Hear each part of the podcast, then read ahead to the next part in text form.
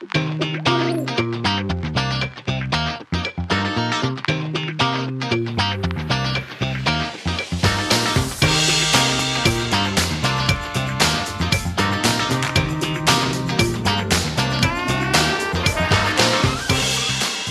och välkom, varmt välkomna till Eftersnack med Jeanette Björkqvist i studion. Björkqvist. Hör, det, är, det är tre S i allt vad vi säger Ja. idag i Eftersnack. På det, på det viset vill vi visa vår lojalitet mot de nya makthavarna i samhället. Välkommen! Du, du missar där. S- s- s- Samhälle. Samhälle. Det blir här ganska... blir jätteintressant att lyssna på det här Ja, ja, programmet. intressant. Men det där, månne det räcker nu att alla nu förstår att vi är lojala. Vi kommer aldrig att ifrågasätta, Månne någon förstår att vi ironiserar här lite. ironiserar. Men välkommen i alla fall Jeanette Björkqvist. Sen har vi Mischa Eriksson, välkommen till Eftersnack. Ja, är du också lojal mot den, nya, eller den kommande regeringen? Nu måste man väl Ja. finna sig och, och ta av sig hatten och böja på huvudet. Ja. Ja, ödmjukt. Ödmjukt och tacksamt. Och tack att vi fick rösta. Ja. Ja, och att vi nu har så här upplysta ledare. Precis. Ja. Jag heter Magnus Londén och det här är alltså Eftersnack och nu ska jag sluta med den där grejen. Väl- Välkomna alltså idag till Eftersnack. Vi ska tala om, eh, det har hänt, just nu är det presskonferens på gång, men jag vet att de flesta av er har valt Eftersnack och det uppskattar vi. Men för att fira det ska vi tala väldigt länge om regeringen. Jeanette Björkqvist, Den, igår... ja, den potentiella regeringen. Ja, potentiella ja. Aha, du, du fäster dig vid det potentiella. Att det kanske inte är helt Ja, säkert. men det är fel. Alltså, det är nu helt, för annars kommer någon annan att korrigera det. Att det är ju inte så att det fortfarande det är ingen regering ännu. Nej, De för regeringsförhandlingar. Exakt. Nu är jag just sån här jobbig sån här ja. som man Men- inte ska säga. Jag kan inte säga vilket ord jag tänkte på. Nåja, Men det oh duger bra. Det, Ja. det, det passar bra. S- Såg du igår Jo, eh, Presskonferensen. presskonferensen direkt? Så jag läser dina tankar. Ja. Jag har blivit så upplyst nu med den här nya. Ja, jag såg den. Och såg den, när, den första dörren, det var ju liksom lite bisarr show att här är vi nu bakom dörren och, och man kan ana sig till vem som inte sitter i regeringen när dörren öppnas och vem kommer ut ur dörren. Det var på den här nivån Det var lite förnedrande. Och där var ju liksom, jag vet inte hur många journalister, men det var ju minst 40 stycken som rusade på dem. Alltså, Det, på kändes, där- det kändes lite som Big Brother. Ja. Ja. På något sätt. Att en sänder ut ur huset. Precis. Ja. Vad är dina bästa minnen nu från den här gångna tiden? Och hur känns det nu? Ja. Ja. Och först kom- Arhimäki, det var också en symbolik i det, liksom den som var längst ut, alltså, som aldrig hade en chans att komma in, han kom först ut. Men, men det där, nåja, men vad har ni nu, har, ni hunnit smälta det här, den, den kommande, kommande regeringen? Mischa Eriksson. Ja, det var ju väntat. Det var ju väntat. Inte är väl någon så här jätte, jätteöverraskad. Det var stora frågan var bara närmast om det skulle vara Samlingspartisten eller Socialdemokraterna. Men, men inte hoppades att det skulle gå så här för fyra år sedan när Sannfinländarna tog sin första skräll. Att det där, nu är det ju lite, lite ledsamt att, att här, ska vi kalla det, segertåget fortsätter. Du är SFP-are eh, och har ställt upp i valet för Ja. SFP, så det måste påpekas här. Det där. Men, men, och nu, har det varit, SFP har varit kritisk till den här nya regeringen och, och, och sagt att den, blir, den är värdekonservativ och, och allt möjligt annat elakt. Och då undrar jag, det är på det sättet lite vitsigt att man skulle ju inte ha sagt någonting av det där om man skulle ha fått, om Sipilä skulle ha tänkt efter ännu en timme till när han, han sa ju att det liksom hängde på håret att SFP skulle varit med. Att, men sen en timme tidigare, nej jag tyckte nej de ska nog inte vara med. Nåja, men om SFP skulle varit med så det skulle vara ganska vitsigt om man skulle ha levat i parallella tider. Ena SF, den där timmen inte skulle ha funnits, SFP med, och, och lyssna på SFPs liksom hyllning till den nya regeringen som kommer att bli sam- Det kommer att vara tufft men det kommer att gå. Och sen den andra när SFP, den där timmen gick och SFP inte fick sitta med. Och då, då kommer det ganska kritiska kommentarer om regeringen. Förstår du vad jag vill Jag förstår, jag ut- förstår vad du är ute efter alldeles riktigt. Men du, ja, du, ja. Nej, men, alltså, men det, alltså, jo, det är ju vanskligt att spekulera vilka det uttalandet skulle ha varit om, om SFP skulle hamna i regeringen. Man måste väl utgå i så fall att då skulle de här största antagonisterna, det vill säga SFP och Sannfinländarna då, ha gjort någon form av eftergifter, eller hur? Jag menar kanske framförallt i det här sammanhanget Sannfinländarna som ju nog liksom har gått ut med buller och bång att de inte vill ha de här småpartierna med där och att de då inte tycker att, att de riktigt står bakom det var finlandssvenskarna representerar. Eller SFP. Eller SFP representerar alldeles riktigt. Så, så ja, då skulle man väl kunna utgå ifrån att Sannfinländarna skulle ha gjort lite eftergifter i det här sammanhanget. Men sagt, det är vanskligt att spekulera hur det skulle ha varit om vi skulle ha hakat på där. Men, men uh, Jeanette, är du en vän av, av snabba beslut? För vi har en sån här fråga på svenska.yle.fi, eftersnacksenkät där att, för man får ju nog bilden av en, av en kommande statsminister som har verkligen bråttom. Han skulle också fixa till Jag ett inte- samhällsfördrag, får jag bara säga, Ja. på några dagar. Sånt som facket och andra har sagt att det, det tar jättelänge att förhandla om sådana saker. Det är enorma grejer som Mm. har uppnåtts efter årtionden och nu skulle det liksom så här fixas ett nytt fördrag. Ja, men jag tror att nu har vi liksom det här som kommer säkert att bli Sipiläs största utmaning. Att han har inte alltså den här, den här alltså politiska barlasten. Alltså det är bra att han inte har det. Men samtidigt så tror jag att för, att för att han har den här, man märker ju liksom att han kommer från, från den här privatföretagarvärlden. Och han styr liksom allt det här. Och det, det är samma sak, jag tänkte liksom länge gå på den här att, att, att hurdan regering han nu egentligen fick. För att han har ju uteslutande alltså talat om det här att nu måste vi få Finland på fötter. Han har liksom sitt, sin liksom egen agenda. Och så tänker han sig att det är liksom med den blott och enbart vi kör. Och han glömmer bort att politik är inte sånt. Att om han tänker sig att han sa till exempel den här invandringsfrågan som ju enligt mig är ett litet problem inom en viss grupp inom Sannfinländarna. Så om han tror att den är på något sätt bort från agendan därför för att han nu tänker att ja, men nu har vi bara de här stora linjerna så har han ju fel. För det är inte så. För att alla partier, jag menar det tog inte hemskt många minuter efter att det här kungjordes så kom uh, Sannfinländarnas ungdomsgrupp med ett utlåtande om den här svenskanställning i Finland. Att han kommer liksom säkert att bli eh, frustrerad och kanske ganska irriterad över det här att det kommer att komma en massa sånt här smått plotter som han tänkte att, att det var inte det vi skulle befatta oss med nu. Utan nu ska vi då bara föra Finland framåt. Sen när det gäller den här SFP så det där tycker jag ju nog att det skulle ha varit synnerligen intressant om SFP faktiskt skulle ha velat sitta i samma par, äh, eh, regering med Sannfinländarna. För jag- det, det finns liksom skillnader mellan alla partier. men- Men det finns liksom mellan SFP och Sannfinländarna så finns det alltså enligt mig några av de absolut mest grundläggande och största skillnaderna på hela den här politiska kartan. Att hur man hade tänkt sig att man skulle rymmas in där och vad man hade tänkt sig att man skulle vara någon motkraft där då eller någonting.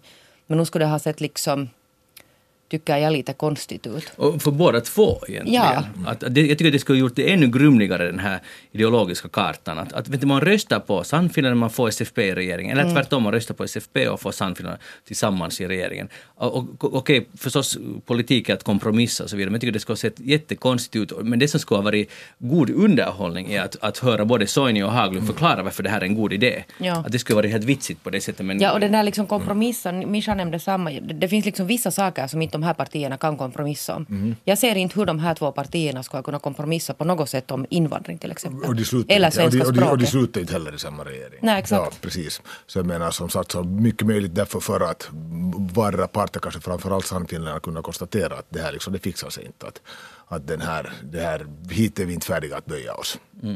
Men det där, och ännu att ta tillbaka, jag är nu egentligen mest orolig för det att, att han, Sipilä tar den kunskapen han har från företagsvärlden och den är ju jättebra kunskap och och, det kan vara bra att ha effektivitet nu, det behövs säkert och så vidare.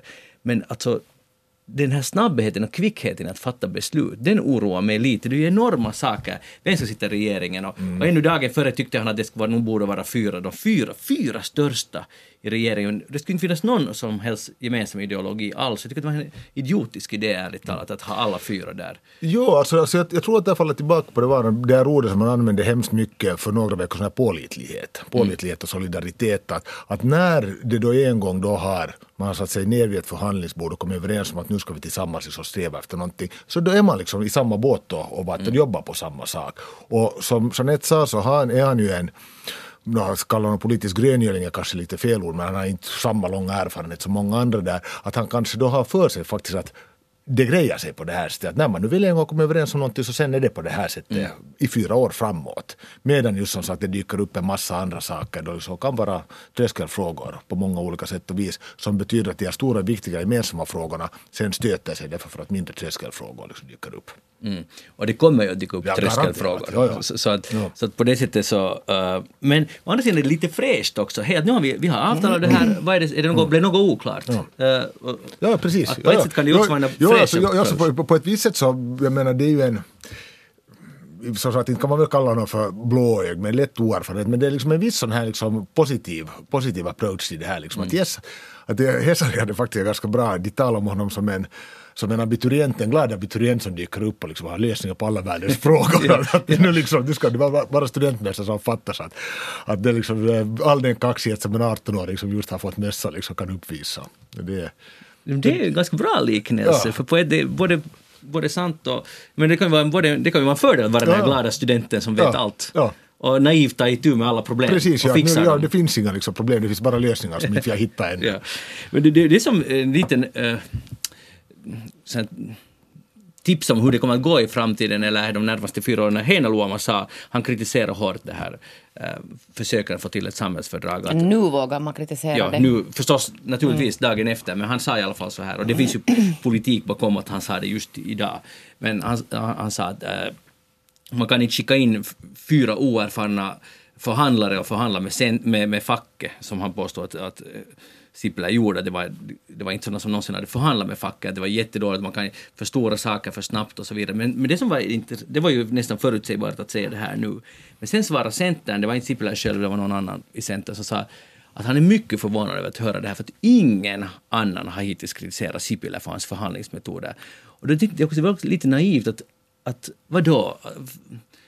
Klart att det kommer att komma kritik också mot mm. vår nya kung och det ska det komma. Ja, och det är bara att vänja sig. Det är, det är bara en liten, liten början på allt som kommer att ske de närmaste jag, fyra jag, åren. Jag tror ju att han har, han har liksom vilat lite på sidenkudden här i en ganska god stund. Han har ju, liksom, han har ju faktiskt inte varit i medias klor överhuvudtaget. Jag menar, till och med under kampanjen så liksom satt ju bara i ett hörn och tryckte och, och red på sina siffror. Och myste. Precis, ja. ja. Plus sen att han hade, ju, han hade ju sin personliga tragedi vilket också betydde att man liksom lät honom vara i fred på många olika sätt och vis. Så jag, antagligen så kommer den här mangen han går igenom här nu under de här inkommande åren och de här svåra besluten som man måste fatta så kommer nog att tufsa om honom ganska ordentligt. Mm. Alltså de flesta människor på jorden skulle ha blir ganska så slut efter den här persen plus den här tragedin som du talar allt i ett paket. Det är ju, det är, det är ju omänskligt ja. egentligen. Så om man tänker på det planet, sitter i möte, säkert också nattetid ja. i princip. Så I don't get it. Men uh, har vi nu en sån här, ja, hej, Paavo Väyrynen är inte alls nöjd med det här. Vad säger du? Ja, har, har du inte hört? Nej, det har jag missat. Han har skrivit på sin blogg, läser du inte den? Den, den man måste publicera den när jag satt i bilen. Ja. Jag läste Lapin Kansa där jag fick tips om den här bloggen, men Jeanette, jag vet du har läst den naturligtvis. Men jag kan i alla fall referera den för våra, o, våra okunniga lyssnare. Han är jättemissnöjd med regeringen och han har varit i ständig kontakt med Sipilä och briefat honom hur det här borde skötas. Det skriver han. Och där, uh, han tycker att den här regeringen, att det är en allvarlig tudelning av Finland. Det skulle vara bättre att ha Socialdemokraterna med. Och jag tror att han har ganska, eller vi kan säga att han har rätt men äh, sådär taktiskt politiskt så kan det vara att han har, han har rätt. Och han är ju en taktiker. Jeanette, du är en beundrare av Paavo Väyrynen. Eller hur? Ja. ja.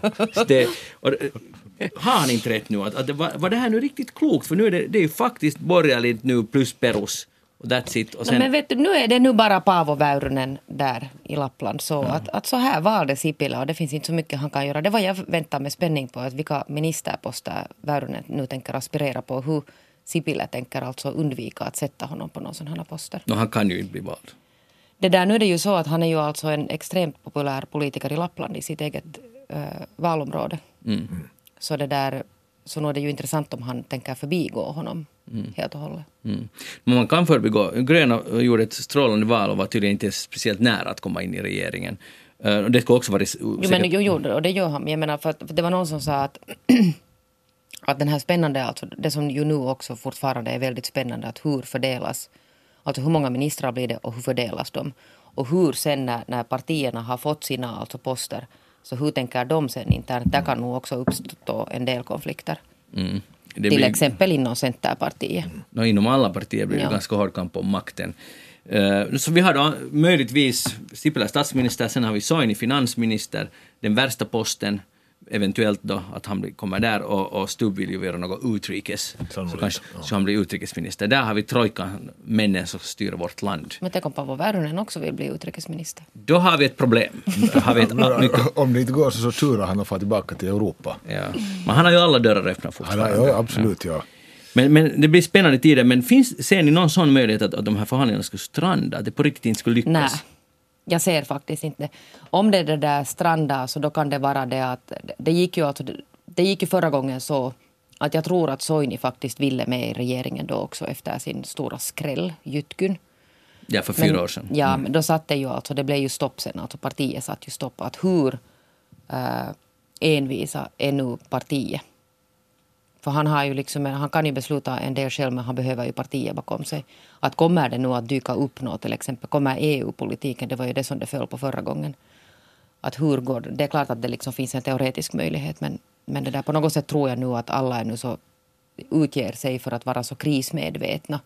Att det är nu fosterlandets väl här. Du, du, du tror inte att det berodde på för fyra år sedan då att han, han helt enkelt inte tyckte att han hade tillräckligt erfaret gäng?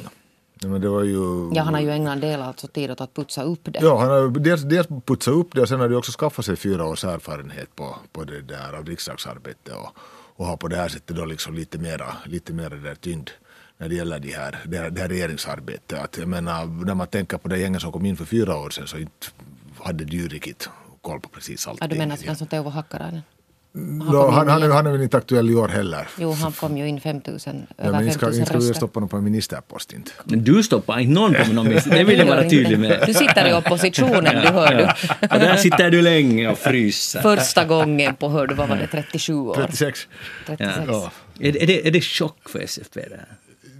Ja, nu är det ju en ny situation att vänja sig vid. Ja. Men de sitter ju... Jag Men, där. ja, men det måste jag ju säga att alltså, jag menar, SFP sitter ju i gott sällskap. Jag menar Gröna och SFP har säkert ganska, de är ju ändå sådär äh, värdemässigt ganska lika. Så där ja. kan de ju Ja. sitta sen och att vilken effekt deras, deras det där oppositionspolitik har så det för, återstår ju att se. Men.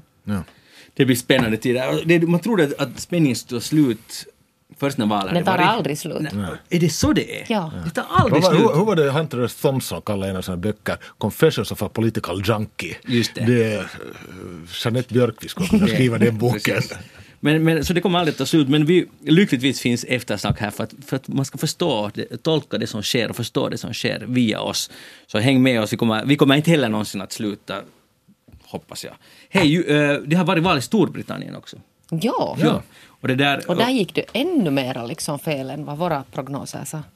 Ja, det kan man säga. Det där, eh, David Cameron är tillbaka och, och det där, jag tänker, vi ska inte kanske tala så länge om det, men här är jätteintressant på tal om jytky. För det här, nu talar vi om riktig jytky här, för eh, i Skottland så har Labour, jag tror att de hade förlorat mm, 40 platser, och nu har de bara en kvar i Skottland. De hade 41, nu har de en. Det var anti-Jytky Det var anti helt. Men den riktiga Jytkyn. Scottish National Party hade, tror jag, en eller två eller tre platser. Det gäller sex. Nu har de 56. De fick plus 50. Det, tänker sig ett parti, och det är liksom, i- de annars också, men alltså, ja, i Skottland, alltså, ja, vi har några parlamentsplatser, nu har vi, fick vi 50 till. Det är liksom, jag har aldrig hört om en sån jytky. Liksom, det är ju dubbelt upp, tredubbelt upp, fyradubbelt upp va, mot vad Sannfinland lyckades med för fyra år sedan. Så, att, så där händer mycket, men... Äh, Men de har inte lanserat någon engelsk, engelsk term på det här nu. Nej. De borde. Det där, men det som är mycket intressant med, med Storbritannien var det att, att det här var uh, Mahiri Black, hon är 20 år gammal. Och hon har nu blivit den yngsta sedan 1667 som sitter i Storbritanniens du? parlament. Vem var det förra gången? Då var det Christopher Monk, second Duke of Albemarle, som var 13 år gammal när han blev invald Det är 1667. ju- det är den mogna åldern. Jag, jag, jag tänkte på det där med 13-åringen. Jag har också en son som är 13-årig. Och man ska försöka få honom in i riksdagen. Men det var annorlunda på den tiden. Var det, Ja, ja, var det, om man var duk, duk kanske det var. Ja, på det stämde, 667 ja. så dog man väl för att man var 30 år gammal. Mer eller mindre ja. Så ska vi komma ihåg att det fanns ju det här som kränktes till kung för att de ens kunde krypa. Ja. Ja. Så det, för sig, men, men hur skulle världen se ut om 13 år? Jag undrar hur det skulle se ut om en 13-åring skulle styra. På riktigt, på riktigt bestämma och sitta där med Sipilä och... Nej, antingen skulle det bli hemskt mycket bättre eller så jätte, jättemycket sämre.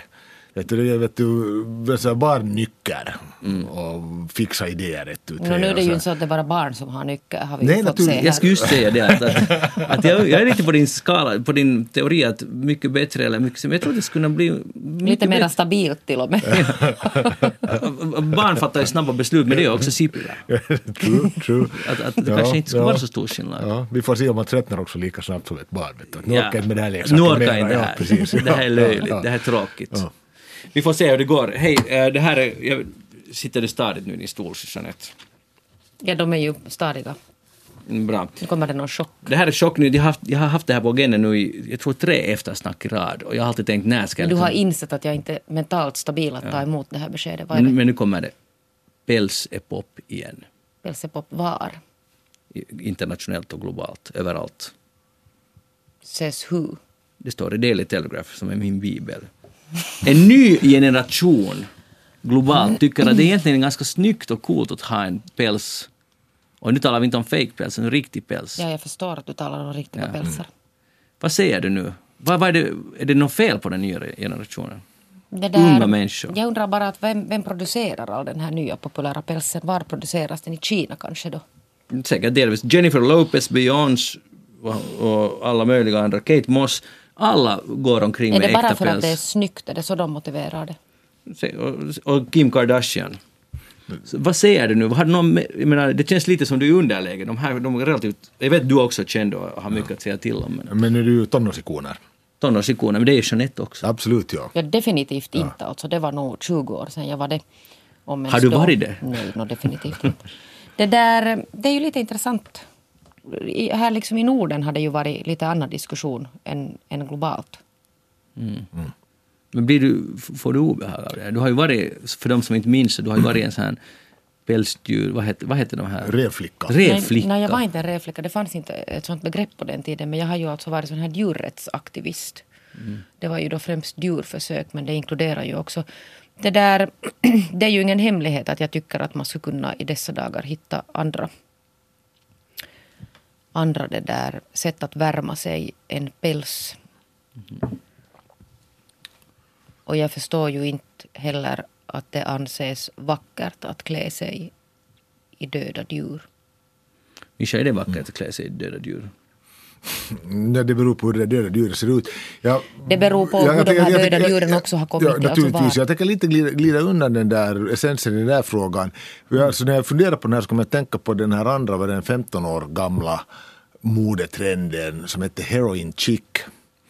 Som då gick ut på att de här modellerna som larvade omkring på den här catwalken, de skulle se ut som de var heroinmissbrukare. Mm, Och det var liksom då det här ultimata hippa och så vidare. Det är jättevackert. Att ja, det är ju hemskt vackert, ja, med benrangens mager och svarta ögon och så vidare. Att det, är ju, det, är ju, det är ju märkligt vilka former modet tar. Och vad det är liksom som ett och tre råkar bubbla upp till ytan och, och varför. Och inte är jag en stor vän av päls heller, tvärtom. Jag tycker ju nog som, som Nette att både den här produktionen och, och sen också det här att hitta andra sätt att, att det där värma sig så, så skulle man kunna se över ganska grundligt. Men vad är det liksom som gör att det här har bubblat upp igen? Är det liksom någon sån liten protest igen att, att äsch, det där gamla fåniga etiska frågeställningar, det ser ju bra ut och, och dessutom är det lite rock'n'roll att, på det här sättet opponera sig. Det, ja, det är en intressant fråga, men kan, kanske det är så enkelt som att allting går i vågor. Att, Mm. att nu är det lite, nu måste vi hitta på något nytt. Aha, vad, var, vad, var, vad har varit out nu de senaste tio Ja. åren? Så väl- väljer vi det. Men här till exempel, det står att eh, i fjol på British Catwalks så, så hade 60 procent av showerna hade någonting med päls att göra. Men, Och- men, men, men, det- och du- ju, vänta, ju, USA, sju av tio Ja. catwalks hade, hade de Men du, men du har sant att saker och ting går i vågor, men jag kan leva med det här att utfärda byxbuntar eller, eller långa kragar, liksom, att det kommer och går. Men det är, lite, det är inte så här stark etisk konnotation. Mm. Nej, det är sant. det- ja. Men, det, men det, det intressanta är ändå att, att det är så här och det är ju många som nu jublar. Det är mycket pengar som det finns här på spel. Känner du ser fortfarande bekymrad ut? Tänker du göra något motdrag mot det här? Nej, det ska jag inte göra det där. Those days are gone.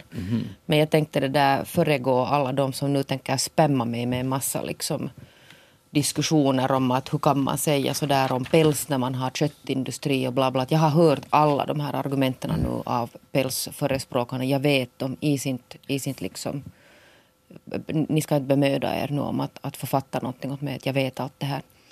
Och jag står vid min ståndpunkt. Just det, hon är omutlig. Det handlar väl närmast om det two wrongs don't make a right, det vill säga du kan inte bemöta orätt med en annan orätt. Nej. Berättiga det. Mm. Hej, jag läste i kyrkpressen en helt annan sak om, om att um, många människor mår dåligt och känner sig ensamma. Det var inte det stod, men det är ett faktum. Uh, nu har de en ny tjänst, uh, församlingarnas brevjour. Man skriver ett brev, det här var för några veckor sedan, man skriver ett brev så får man ett brev tillbaka i posten. Vi talar nu om att skriva alltså för hand. Så kommer det, dimper det ner ett brev några veckor senare. Man berättar om sitt liv och vad ens problem är om man är ensam. För hand? Jo. Jag, jag vet inte om man måste skriva det för hand, men jag tror man fick tillbaka ett handskrivet brev. Men det kommer i alla fall ett personligt brev, till exempel till Mischa Eriksson som, som är, har problem med sina elever. Så får du liksom tillbaka ett, ett Mischa brev. Eriksson är i kris för att SFP hamnar i opposition. Ja. Så skriver någon. Ja, och så Mischa skriver någon församlingens tjänsteman skriver tillbaka. Men tror ni på det här, på det här sättet att kommunicera i dagens värld? Ja, vet du. Alltså, jag tänker ju på den här, jag menar, det, här, det här fysiska brevet. Jag menar, det första jag kom på här nu att men det är lite som att ha en brevvän. En, och det är ju alltid kiva när det trillar in någon genom postlådan. Och jag menar, även om, om jag är en aktiv användare av e-post så nu är det ett, ett fysiskt konkret brev. Det är, liksom, det är nog något, det lilla extra. Jo men det är den här alltså, det gör ju alltså den här kommunikationen lite långsammare också. Mm, det gör den. För att om man skulle ha till exempel samma per e-post så kan man liksom sen, sen svara Ja. dem direkt. Men det är kanske just den här Jag vet, tiden det behövs. vet. Tiden Ja. som behövs för att, att man inte genast ska få det här svaret. Jag, tror, jag tycker nämligen att det här låter jättebra. Bara det, de som svarar måste ju vara otroligt empatiska och, och proffs eller vad man nu vill kalla det. På att ge ett vettigt svar. Och vet du vad som är bra med det där? Nå. Det är det där att det inkluderar nu på nytt en massa människor som har liksom stängts ute av det här att man måste gå in och logga in här via en massa service och, eller ha e-post och bla bla bla bla. Jepp, vi får återkomma till det här. Nu ska vi ha regionala nyheter här i Radio Vega. Vi är tillbaka om en liten stund.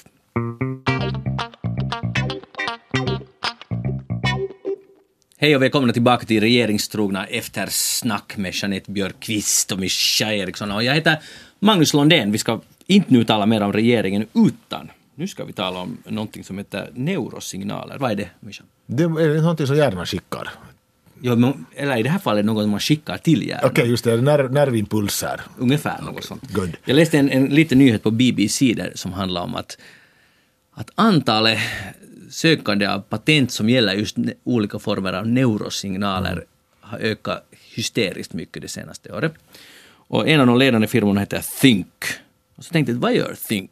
Så gick jag in på Thinks hemsida. Och deras app, de har en, alltså en app, men den är på något sätt i provstadiet, men i alla fall, vad det, så som det ska funka mycket snart, är att om man känner sig lite ledsen, så tar man fram sin telefon och så skickar den ut på något sätt en neuro, en elektrisk impuls som når din hjärna och inom några minuter så känner du dig bra igen. Och du kan nå din fulla, ditt fulla potential eh, liksom i fråga om arbete, kärlek, vad som helst.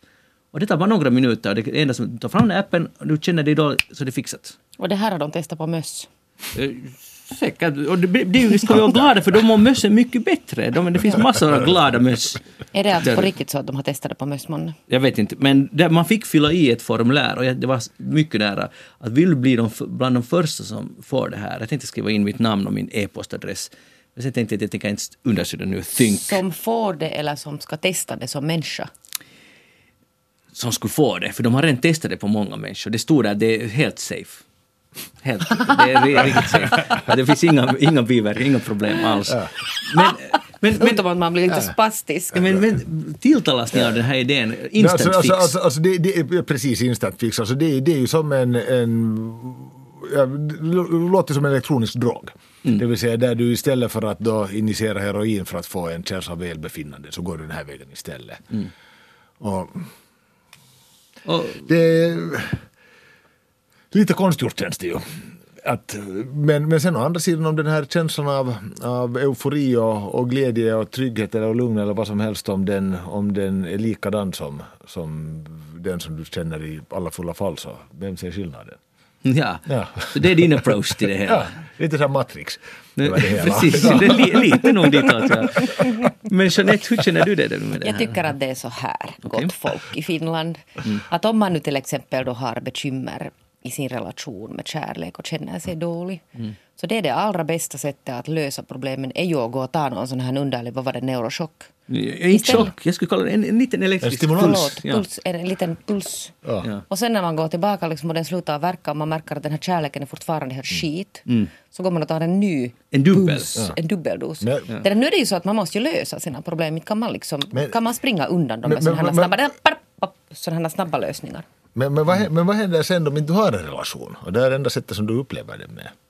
Denna, denna, denna pulsen du har, men du säger att du ska gå och lösa problem i din relation, men om inte du har någon relation med problem att lösa.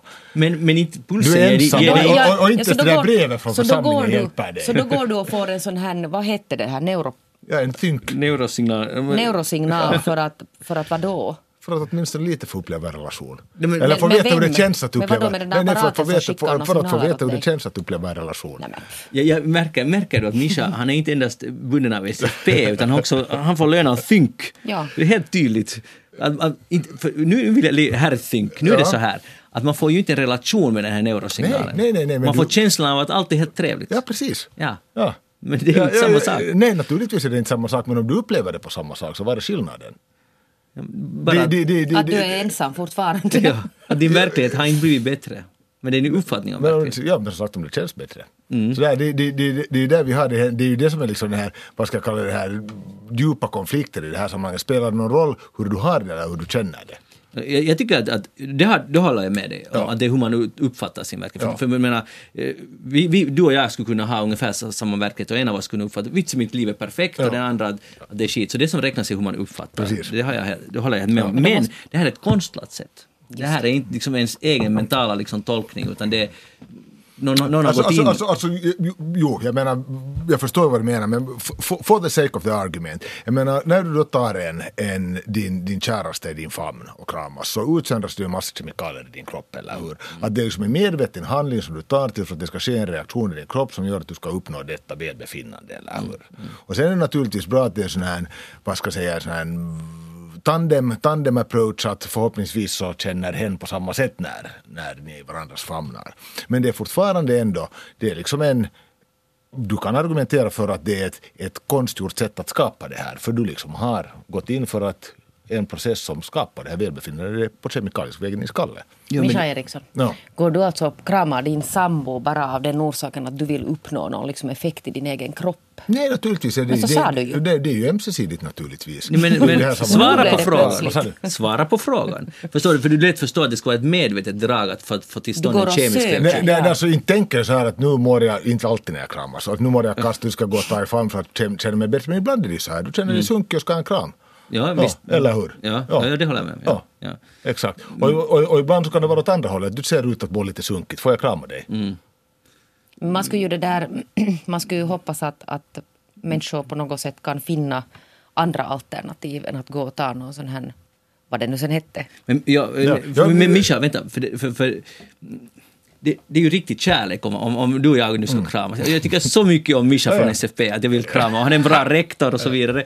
Så, så då är det, det, det då, då inte, jag har inte en baktanke men, men det, är lite, jag tycker det är lite annat att nu, nu känner jag, jag har ingen Mischa i mitt liv, jag måste ha en sån här neurosignal. Ja, ab- absolut. Ja, utan vidare, men det är alldeles klart att, att det, det ideala skulle ju vara om inte du skulle måste tyda det till en virtuell Mischa, om du ska ha en riktig Mischa. Ja, det är alltid bättre. Det, det är alltid bättre. Men när, när, när det krävs. Men, men jag menar, om alternativet att inte ha någonting alls och få en sån här virtuell Mischa, så nu Men tycker jag han att alla ska få en lite virtuell Mischa. Men han får ingen virtuell Mischa, han får alltså en sån här konstgjord känsla, eventuellt, eventuellt med några biverkningar också, att han börjar Ja, skaka men, lite. men, vet vi, men vi låtsas att det inte finns biverkningar. Vi låtsas att det här liksom, att det, det, det är fullständigt ofarligt. Det enda du får är en sån här välbefinnande puls. Ja, att, att, att, att- att, att, din, din kemikaliska cocktail i din skalle är liksom på lite positivare. Istället för att käka en massa piller då. Ja. Jag kallar det vad du vill. Men, men här är ju problemet då, som det har nog snackats mycket om, att, att i livet handlar ju inte om att allting ska gå bra hela Nej. tiden. Ja. Och, och det här lite strävar efter det. Att jag kan förstå att någon som är kliniskt depressiv och så vidare, så det är nästan omöjligt säkert att komma ut ur det. Eller det är all, ingenting någonsin omöjligt, men det kan kännas så. Men i alla fall, men jag, jag fick uppfattningen att det här handlar om så här korta moods, skillnader. Att, och nu känner man sig lite trött på jobb eller lite Mm, trött på mish, sin mischa, så måste man göra någonting åt Ja. saken. Och det, det här är jag emot därför att, att det, livet är ju ändå sånt att det går upp och ner och det är det som är styrkan med människans... Ja, allt alltså, med alltså, det, jag- vad vi är. Precis, ja. Utan jag menar, det är ju, man kan ju dra många paralleller med det där till, det var inte länge sedan jag läste en artikel om, eller nej det var faktiskt när jag var på Jeanettes eminenta pjäs Kvinna till salu här och, och de pratade om, om män som har uh, fått ett porrbehov, att de helt enkelt inte klarar mer av ett normalt sexliv för de här kickarna har blivit starkare och starkare. Det har liksom hänt någonting i hjärnan som gör att de helt enkelt är avtrubbade. Och det är liksom, jag kan ju föreställa mig att något motsvarande händer här också, att du vänjer dig vid konstgjorda sådana här välbefinnande kickar och sen ett, tre får du inte, fast du skulle ta en i famnen. Mm. Så måste man ta en dubbel. Precis. Så, så jag menar, visst finns det komplikationer, men så är alldeles äh, den här utgångspunkten att en utomstående stimulans på något sätt skulle vara hur ska vi säga, en negativ grej, så det är svårt att omfatta. Men samma grej också, du känner dig trött på jobbet, ta en kopp kaffe för att bygga upp dig. Det är ju också liksom att tagga upp det med någonting utifrån för att Men jag har på något sätt svårt för den här tanken att man alltså manipulerar alltså hjärnan med sådana här elektriska impulser. Det känns för mig lite konstigt. Det är en ganska komplicerad grej vi har där uppe i huvudet. Och de här alltså långvariga följderna är ju helt oförutsägbara. De kan säga att man inte får någon, men jag menar det vet ju ingen hur hjärnan påverkas. Jag, jag skulle fråga, vilja fråga dig Jeanette, hur ska man, om vi, nu talar vi inte om de stora problemen, om, om sådana här tillfälliga mindre problem. Hur ska man då tackla, om, om, om du, du säger att det, du tänker gå med på Think, det är inte, det är inte för oss, och Mischa har redan sålt sin själ, men jag är på din linje, men hur ska vi lösa de här små, Små, att vi säger att vi är trötta på jobbet. ja, Då går vi ut på en promenad till exempel runt kvarteret istället för att ta en chock. Just här, du tycker att det hör livet till? jag tycker det hör livet till och jag tror att det är desto hälsosammare för människan också. Att man hittar alltså sådana här naturliga sätt att på något sätt lösa sina små Märker du Mischa hur aktierna rasar nu för Think? det, det är hemskt. Det, det, det, är hemskt. Jag måste, vi måste skaffa en bättre marknadsförare Ja, här Mischa får kicken just ja, här. Det är, det är hemskt. Ja. Ja. ja, men du- har du någon sista, du, före du nu får sparken, du vill säga? Alltså, nej, jag, jag, jag måste gå bakom hörnet och ta en thinkpuls. Ja, ta, en- ta, en, ta en thinkpuls på den saken. Utmärkt. Då känns, då känns det här som en trevlig diskussion. Ja, precis, ja, ja, positivt. Ja. Ske- Jeanette var ju riktigt trevlig där. Ja. Jeanette Björkis, vad har du tänkt på den här veckan? Alltså, jag har tänkt på det här, inte det här, kanske hela mitt liv har jag tänkt, no, inte, no, över halva mitt liv har jag tänkt på det här med möten. För att jag tror att det finns alltså två kategorier av människor. Det här är min egen ganska empiriska forskning. Sådana som tycker om möten och sådana som inte tycker om möten. Och jag hör alltså till de människorna som tycker att, att de flesta mötena är på riktigt helt onödiga. Och vi har ju hållit på med en massa saker där på vårt jobb och alla möjliga omorganiseringar och jag har noterat att det hålls väldigt mycket möten. Väldigt mycket möten och inte bara hos oss utan överallt tydligen. Det, det är på något sätt så att, att finländare tycker hemskt mycket om möten. Sen har jag tänkt att jag, att jag har säkert något fel i huvudet som inte förstår alltså värde av dessa möten som jag sällan ens orkar gå på. Men nu har jag läst i, i det där, faktiskt i min egen tidning, att det är tydligen så att Alltså vad jobbar du nu igen? äh, äh, vänta, äh, KSF Media. Ja, just det, precis. Korrekt svar. Ja. Fortsätt.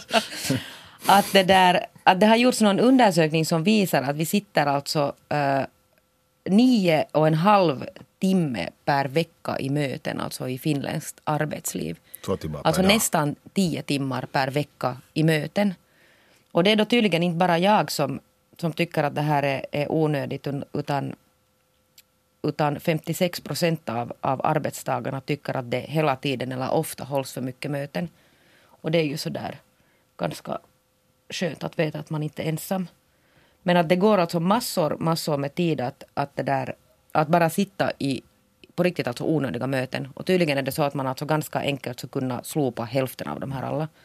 Och det här kostar alltså pst, s, s, s, i pille 0,75 till 1,5 miljoner euro per år alltså för arbetsgivaren. Så det är ju liksom också någonting som man skulle kunna tänka på nu. Mm. När man det där Hur börjar hur stor spara. Men, men det, Alltså upp till en och en halv miljoner euro. det är nu hur man räknar det. I hela har- Det är Finland. klart att det men I alltså hela förstår ni- Finland. Jo men alltså det är sån här för Det är inte så mycket.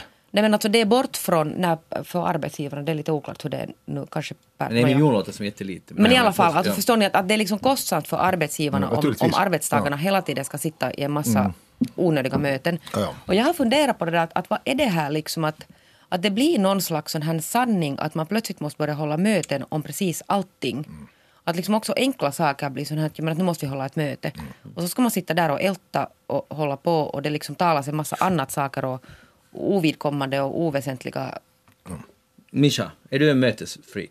Uh, jag är inte så hemskt förtjust i sådana här uh, informat, i, möten vars uppgift är att informera.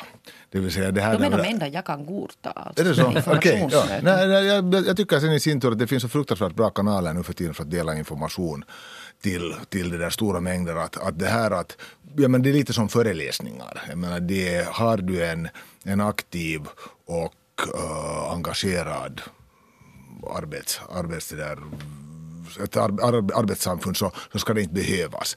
Men däremot så tycker jag hemskt bra om sådana här, ska vi säga, tre till fem, tre till sex personers sådana här brainstorm Mm. situationer där man liksom faktiskt sätter sig ner och, och right, nu ska vi komma åt det här och så har man kanske en begränsad tid, 45 minuter, en timme. Sen kastar man boll kring det här, kommer överens om åt vilka håll man är på väg, fördelar arbetet och går vidare.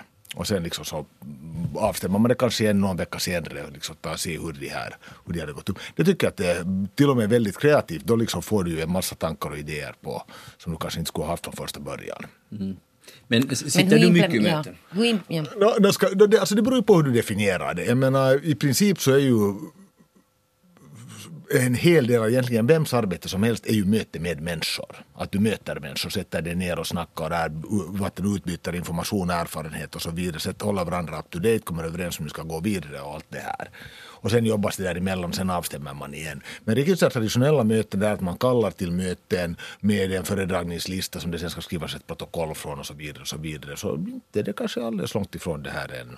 Tio till- Sex, nio- sex, sex, till sex till tio timmar i, i det där i veckan. Men Jag tror, att, lite. jag tror att väldigt lite av de här mötena nu för tiden är någon sån här alltså officiella med någon föredragningslista utan det är det där att det hålls möten om precis allting. Mm. Och så hålls det alltså möten, vet ni, här, just de här små arbetsgrupperna som sitter för sig själva det finns massor Mm. med arbetsgrupper på de flesta, alltså, i de flesta arbetsenheter.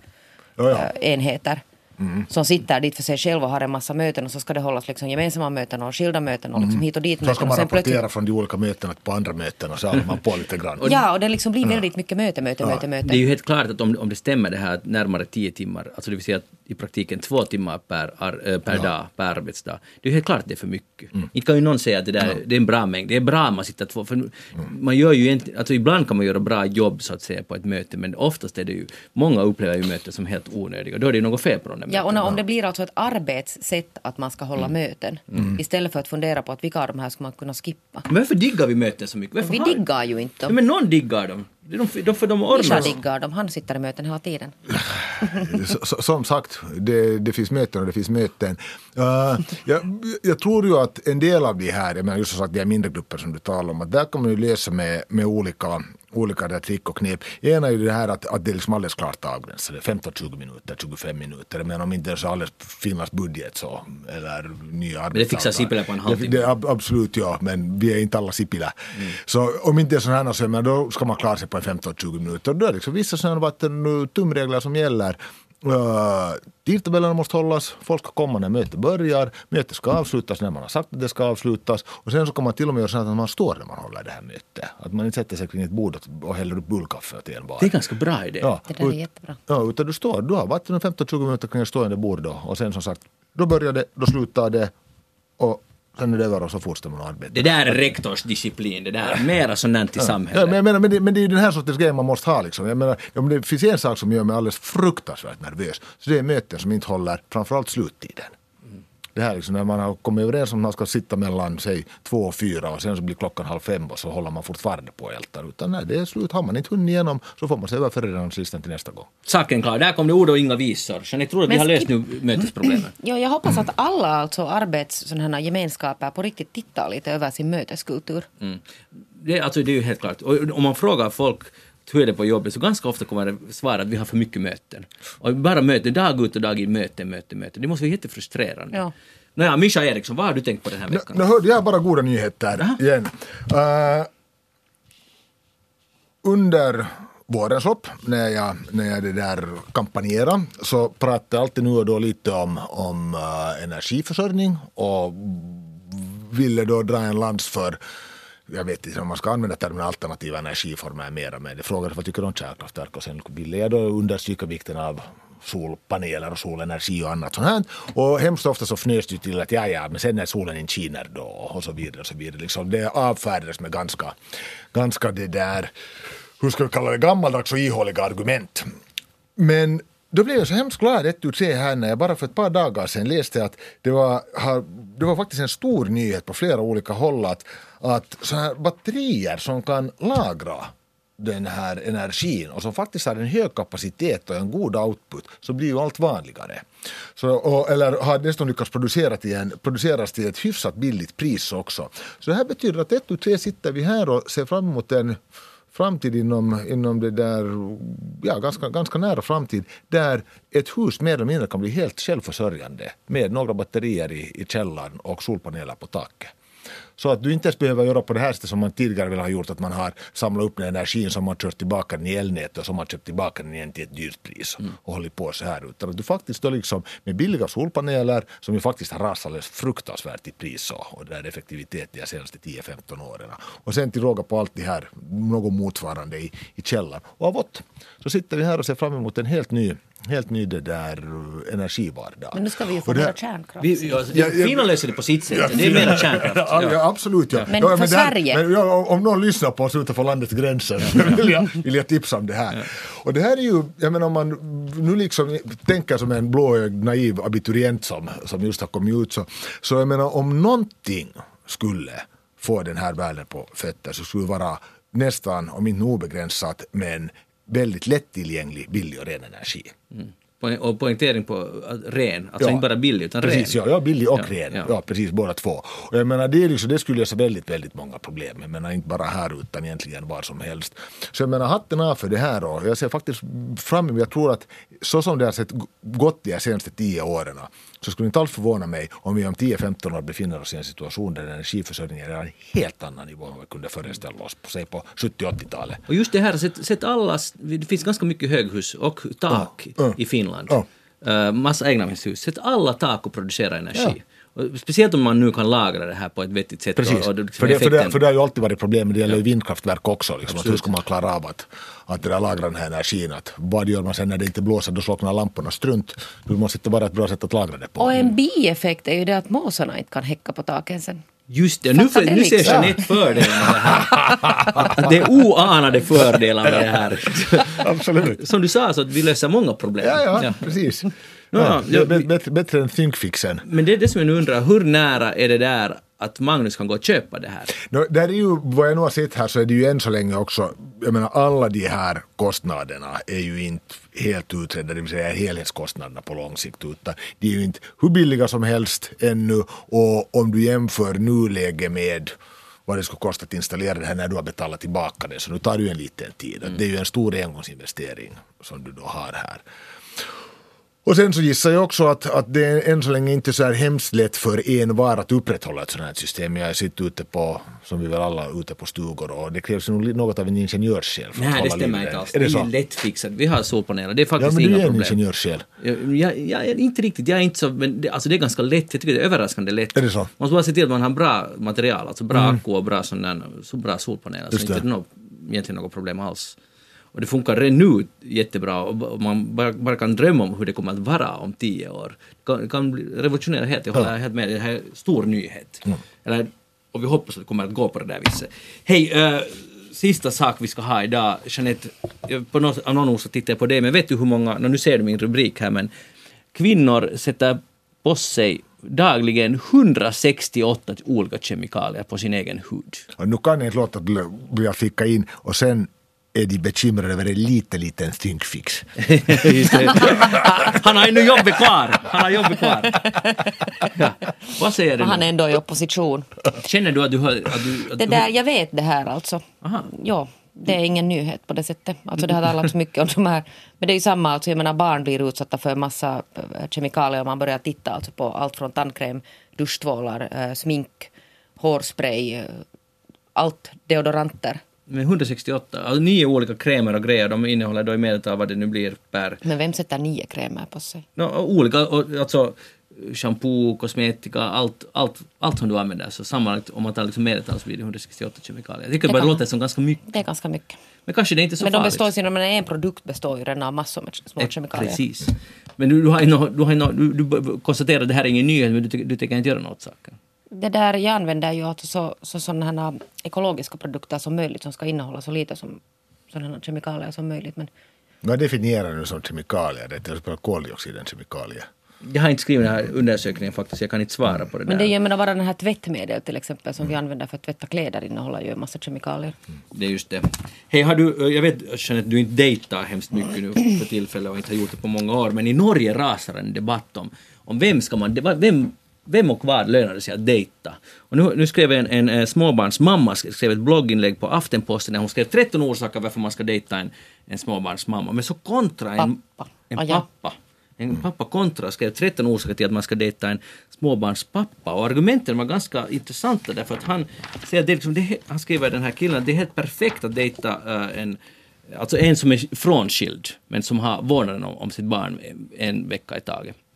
Att, att det här är en man som till exempel alltid är hemma och som, alltid, och som har lärt sig laga mat och som har lärt sig vad disciplin är och som ger dig all uppmärksamhet då när han inte har barnen och, och så vidare. Och så vidare. Det är liksom helt perfekt att dejta en, en, en frånskild småbarnspappa. Har du någonsin tänkt på det här, på den här aspekten? Alltså verkligen inte, men jag undrar alltså den här, hela den här ursprungs, den här, alltså det är då någon, någon, någon singelmamma som också har lagt fram någon sån här 13 teser om Ja. varför man ska dejta en småbarnsmamma. Ja.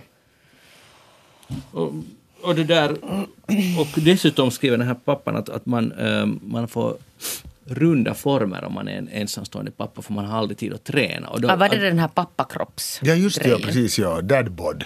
och, och man har lika, likadan former som också den här småbarnsmamman som inte heller hinner träna, som de hittar varandra på det här sättet. Så att det där, eh, ge inte upp, Det- de finns där ute. Mischa, när var du senast på en dejt? Ja, 20, 21 år sedan, 21 ja, när jag träffade min nuvarande sambo. Ja.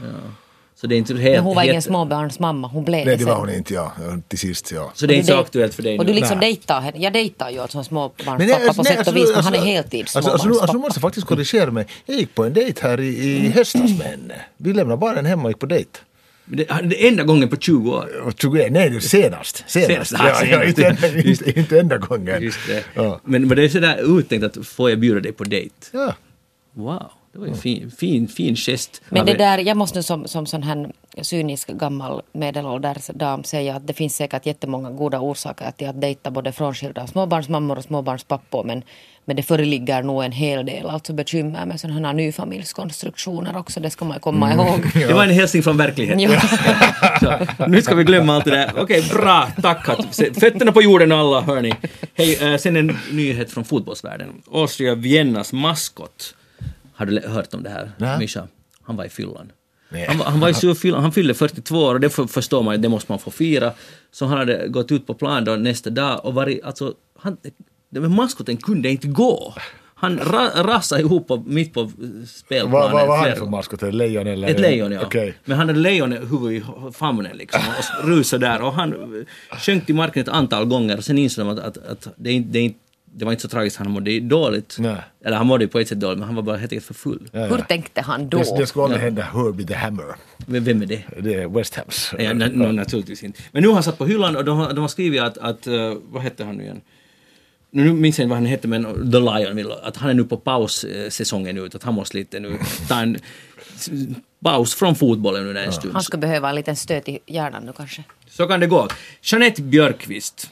Jeanette Björkqvist, tack så väldigt mycket. Visst. Tack för så väldigt mycket att du var här och stödde regeringen i dessa hårda tider. Och Mischa Eriksson, tack också för att du egentligen helst. innerst inne stöder regeringen, trots ditt eh, SFP-bakgrund. Jag heter Magnus Lundén och kom ihåg att eftersnack är alltid lojal mot regeringen. Det ska ni också vara. Vi ska buga oss och vi ska älska alla som bestämmer och styr i det här landet. Och om ni vill se mer av oss kan ni gå, eller läsa mer om oss kan ni gå på facebook.com eftersnack eller e-posta oss på eftersnacksnabelayle.fi. Ha det riktigt bra och hylla regeringen. Vi hörs igen. Hej då.